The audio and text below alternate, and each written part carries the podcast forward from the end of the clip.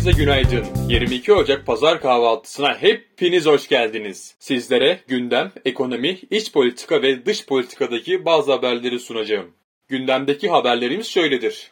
Japonya'nın başkenti Tokyo'da ailelere ikinci çocukları için bakım hizmetleri Ekim 2023'ten itibaren tamamen ücretsiz hale getirilecek. Amerikan Hastalıkla Mücadele ve Engelleme Merkezi ve Gıza ve İlaç İdaresi bir güvenlik takip sisteminin Pfizer ve BioNTech'in birlikte ürettiği COVID-19 aşısının güncellenmiş versiyonunun bazı yaşlılarda beyin felcine neden olabileceği yönünde uyarı verdiğini açıkladı.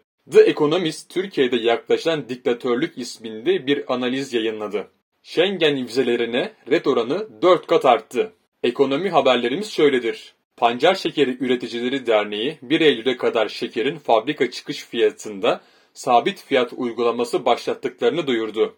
Uluslararası İnsani Yardım Kuruluşu Oxfam tarafından yayımlanan yeni rapor, son iki yılda ortaya çıkan 42 trilyon dolarlık servetin yaklaşık üçte ikisinin dünyanın en varlıklı %1'lik kesimine gittiğini ortaya koydu. Suudi Arabistan Finans Bakanı, Türkiye, Pakistan, Mısır gibi savunmasız ülkeleri desteklemeye devam edeceğiz ifadelerini kullandı. WhatsApp, AB'deki veri ihlali nedeniyle 5,5 milyon euro para cezasına çarptırıldı. Microsoft, yılın 3. çeyreğinin sonuna kadar 10 bin çalışanını işten çıkaracağını duyurdu. Alphabet, 12 bin kişiyi işten çıkaracağını açıkladı. Dış politikadaki haberlerimiz ise şöyledir. İran'ın Türkiye'ye doğal gaz sevkiyatını %70 azaltması üzerine Türkmenistan'da İran'a sevk edilen gazı kesti. İran'da gaz sıkıntısı başladı. Ülkelerin petrol ihracatlarını takip eden uluslararası şirketler, İran'ın 2022'nin son iki ayında ihracatta yeni zirvelere ulaştığını açıkladı.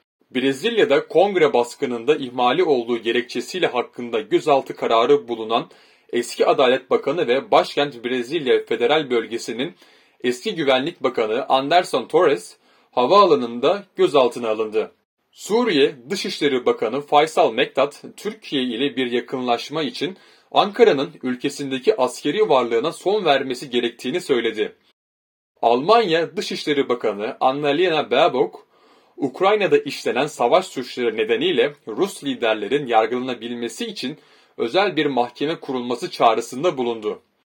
Finlandiya Savunma Bakanı Mikko Savola, İsveç'in başkenti Stockholm'de geçen hafta PKK'ya yakın gruplarca Cumhurbaşkanı Recep Tayyip Erdoğan'ın maketinin belediye binası önünde ayağından asılmasını gereksiz ve kışkırtıcı bir eylem olarak nitelendirdi.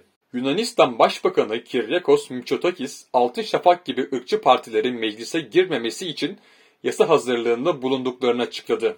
Peru'da Cumhurbaşkanı Dinya Boluarte'nin istifa etmesini ve erken seçime gidilmesini talep eden protestocular ile polis arasında çıkan çatışmalarda ölü sayısı 53'e yükseldi. Almanya Federal Meclisi İzidilere yönelik suçların soykırım olarak tanınmasını içeren önergeyi kabul etti. Arkadaşlar bu haftalık haberlerimiz bu şekildeydi. Şimdi sizlere bir haberim var. Artık podcastlerimizde yeni bir seriye başlıyoruz. Bu serimizde her hafta podcastlerin sonunda bir soru soracağız ve bu sorunun cevabını Jurnal Instagram hesabının hikayesinde yapılacak ankette doğru bir şekilde cevaplayan ilk kişi hesaptan paylaşacağız. Açıklama yaptığıma göre soruyu sorabilirim. Birleşmiş Milletler İklim Değişikliği Konferansı 2023 yılında nerede yapılacaktır?